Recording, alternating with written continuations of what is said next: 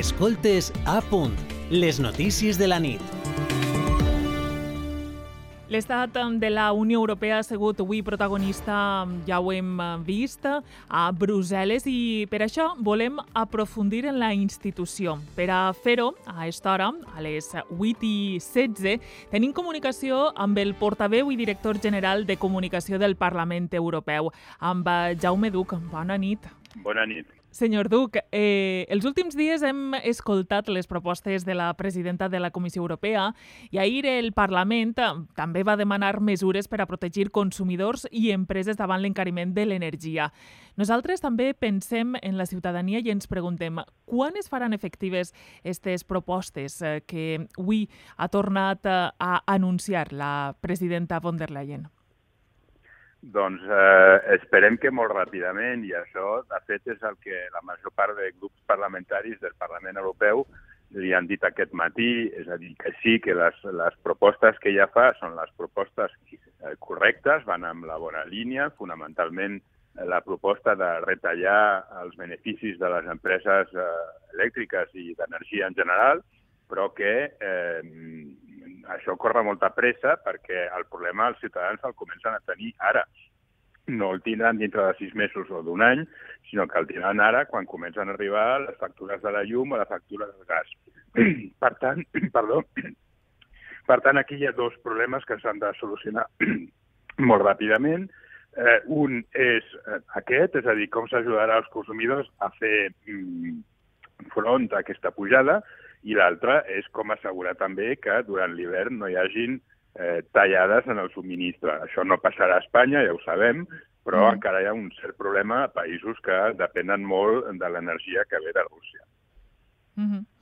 Eh, pensa que, que hi ha massa burocratització a Europa? Està clar que hi ha moltes eh, institucions, quan parlem de Unió Europea, eh, però pensa que, que en aquestes qüestions s'hauria d'anar eh, més ràpidament? Hi ha algun mecanisme que, que puga facilitar aquesta rapidesa? Sí, el mecanisme és molt senzill. Vol dir que la competència sigui una competència europea, és a dir, que estigui directament en mans de les institucions europees, fonamentalment de la Comissió i del Parlament, i que, per tant, es pugui decidir, per exemple, doncs, per majoria i no necessàriament per unanimitat.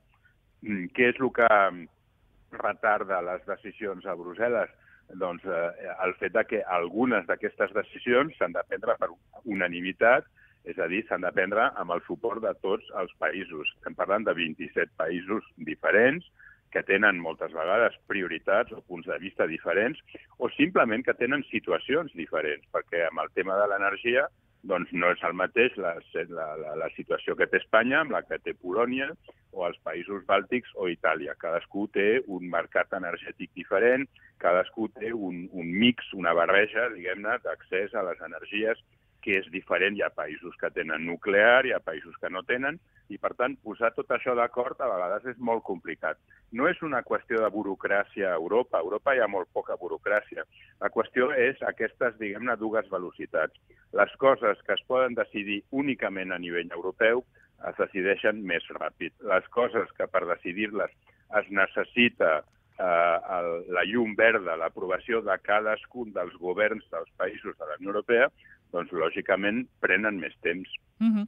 I s'abordarà algun dia eh, que, que s'acaben aquests vetos entre cometes d'alguns països socis que, i, i que faria sí. més ràpida aquestes decisions? Doncs sí, eh, s'està abordant en aquest moment. Eh, vostè sap que l'any passat hi va haver eh, el que es deia la conferència sobre el futur d'Europa, que va ser un exercici eh, justament de consulta de ciutadans i d'institucions europees i nacionals sobre com millorar el funcionament de la Unió Europea. Una de les propostes que es va aprovar, probablement la més important, va ser precisament acabar amb les unanimitats, és a dir, fer que totes les decisions que es prenen a nivell europeu es prenguin de manera que no passi, com està passant a vegades encara ara, que només amb que hi hagi un país que estigui en contra, eh, tot es paralitzi. Però això eh, en part vol dir modificar el Tractat de la Unió Europea, és a dir, la Constitució Europea, i és un tema complex, i en part vol dir que hi hagi voluntat, per tant, per, per part de tots els països. I, bueno, els països en general sempre diuen que efectivament s'hauria de reduir la llista de temes que es decideixen per unanimitat, però després quan discuteixen entre ells, pues, cadascú té les seves prioritats o té els temes en els que, diguem-ne, li agrada no perdre el control complet de la situació. Però això és una mica també la història de la Unió Europea, és a dir, les, la Unió Europea té 60 anys, eh, avança a poc a poc, eh, però avança i cada any és més integrada i cada any es prenen més decisions a nivell europeu i coses que fa dos o tres anys eren impensables, eh, com tenir una política sanitària per distribuir vacunes o com posar en marxa un, un, sistema d'ajuts de 750.000 milions d'euros basats en deute comunitari, tot això, que ja dic que era impensable i que ningú imaginava que es pogués arribar a provar o a posar en marxa, doncs eh, ara existeix i funciona. És a dir, que a base, diguem-ne, quan es necessita prendre realment les decisions, les decisions es prenen. Uh -huh. I pensa que totes aquestes decisions que pren la Unió Europea arriben més actualment a la ciutadania que fa uns anys enrere? Ja podríem dir més interès per part de la societat europea en conjunt? Jo crec que sí, sincerament. Jo crec que això ha començat a canviar o va començar a canviar amb el Brexit. A partir de l'any 2016, quan els britànics van decidir marxar, la gent eh, a molts països de la Unió Europea va començar a fixar-se més amb què és la Unió Europea, qui són els beneficis que jo trec de la Unió Europea, per què em serveix a mi eh, que el meu país sigui membre de la Unió Europea, què és el que els britànics van a perdre i que jo no perdré. Això, d'alguna manera, va ser un test molt interessant i que va fer que molta gent que no tenia, bueno, que sabien que el seu país era membre de la Unió Europea, però que no es preocupaven de saber quines eren les conseqüències o quina, quins eren els avantatges, doncs s'ho comencessin a mirar comparant-se, diguem-ne, amb els britànics. Ja no puc fer el programa Erasmus, ja no puc tenir ajuts en matèria de recerca, ja no puc viatjar amb el meu DNI, ja no puc treballar al país que vulgui treballar sense tenir que demanar permís. Tot això que els britànics han perdut de cop, però nosaltres, la resta dels europeus, eh, no. I després jo crec que el gran canvi va arribar amb la pandèmia, va arribar amb el Covid. Jo crec que el Covid ha sigut el que ha fet obrir els ulls de la gent. La gent se n'ha adonat i ha sabut que si vam poder, diguem-ne, passar aquesta crisi de la millor manera possible, tant des del punt de vista sanitari com des del punt de vista econòmic i social, va ser gràcies a la Unió Europea. És la Unió Europea qui va procurar les vacunes, i és la Unió Europea la que va procurar els diners que van permetre, per exemple, que la gent no anés a l'atur eh, o que hi haguessin els ajuts socials necessaris per aguantar, diguem-ne, la paralització de l'economia.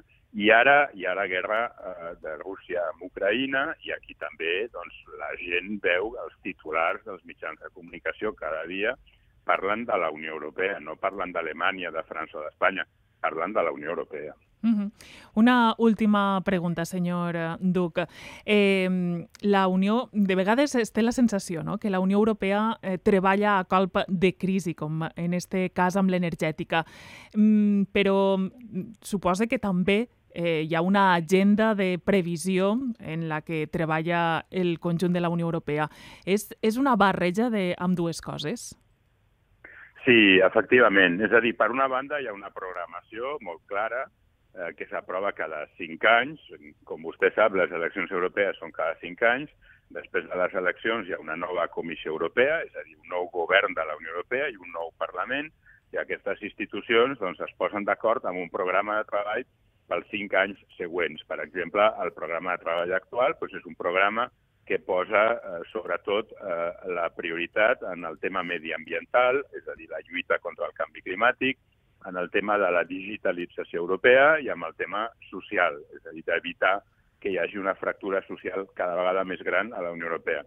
Aquest és, per entendre'ns, el, diguem-ne, el programa eh, ordinari. Però després és veritat que el, en paral·lel a això doncs, eh, s'ha d'actuar en funció de les crisis que arriben i que moltes vegades són crisis inimaginables. Ningú podia imaginar la pandèmia del Covid. Uns mesos abans ens haguessin explicat el que anava a passar no ens ho haguéssim cregut. I mm, també jo penso que, per exemple, la guerra a Ucraïna tot i que els europeus que viuen als països bàltics o a Polònia sempre ens havien avisat cuidado amb Rússia, cuidado amb Rússia, en general la gent també pensava que això no podia passar i en canvi està passant. I aquí jo crec que l'important és veure que la Unió Europea, per sobre de les seves pròpies competències, per sobre del que diuen els tractats, per sobre, diguem-ne, de l'autonomia la, que li han donat els estats membres, quan té que reinventar-se, quan té que treballar amb temes pels quals no estava preparada, ho fa. Com deia abans, la Unió Europea no tenia cap competència en política sanitària i, en canvi, ha sigut cap dalt, ha sigut importantíssima a l'hora de lluitar contra el Covid. La Unió Europea no tenia pràcticament eh, cap tipus de competència en matèria de defensa o matèria militar i ara, en aquest moment, amb el pressupost de la Unió Europea s'està finançant una part important del material militar que molts països estan enviant a Ucraïna perquè es pugui defensar de Rússia. Aquest és, per entendre'ns, eh, diguem-ne, el, o aquesta és la, la bellesa de la Unió Europea, és a dir, que al final, eh, quan has de trobar la solució, l'acabes trobant. I te n'adones que aquestes solucions són solucions que ningú pot trobar país per país, cadascú pel seu compte, sinó que són coses que s'han de fer conjuntament. Doncs moltíssimes gràcies, Jaume Duc eh, portaveu i director general de comunicació del Parlament Europeu per haver-nos apropat més eh, la Unió Europea, que moltes vegades la trobem llunyana i sempre és mm, dona gust poder escoltar les veus que la viuen des de dins. Moltes gràcies per haver eh, atès la telefonada de la Ràdio Pública Valenciana. A bona vostès, nit. moltes gràcies i bona nit. Bona gràcies. nit. Escoltes a punt les notícies de la nit.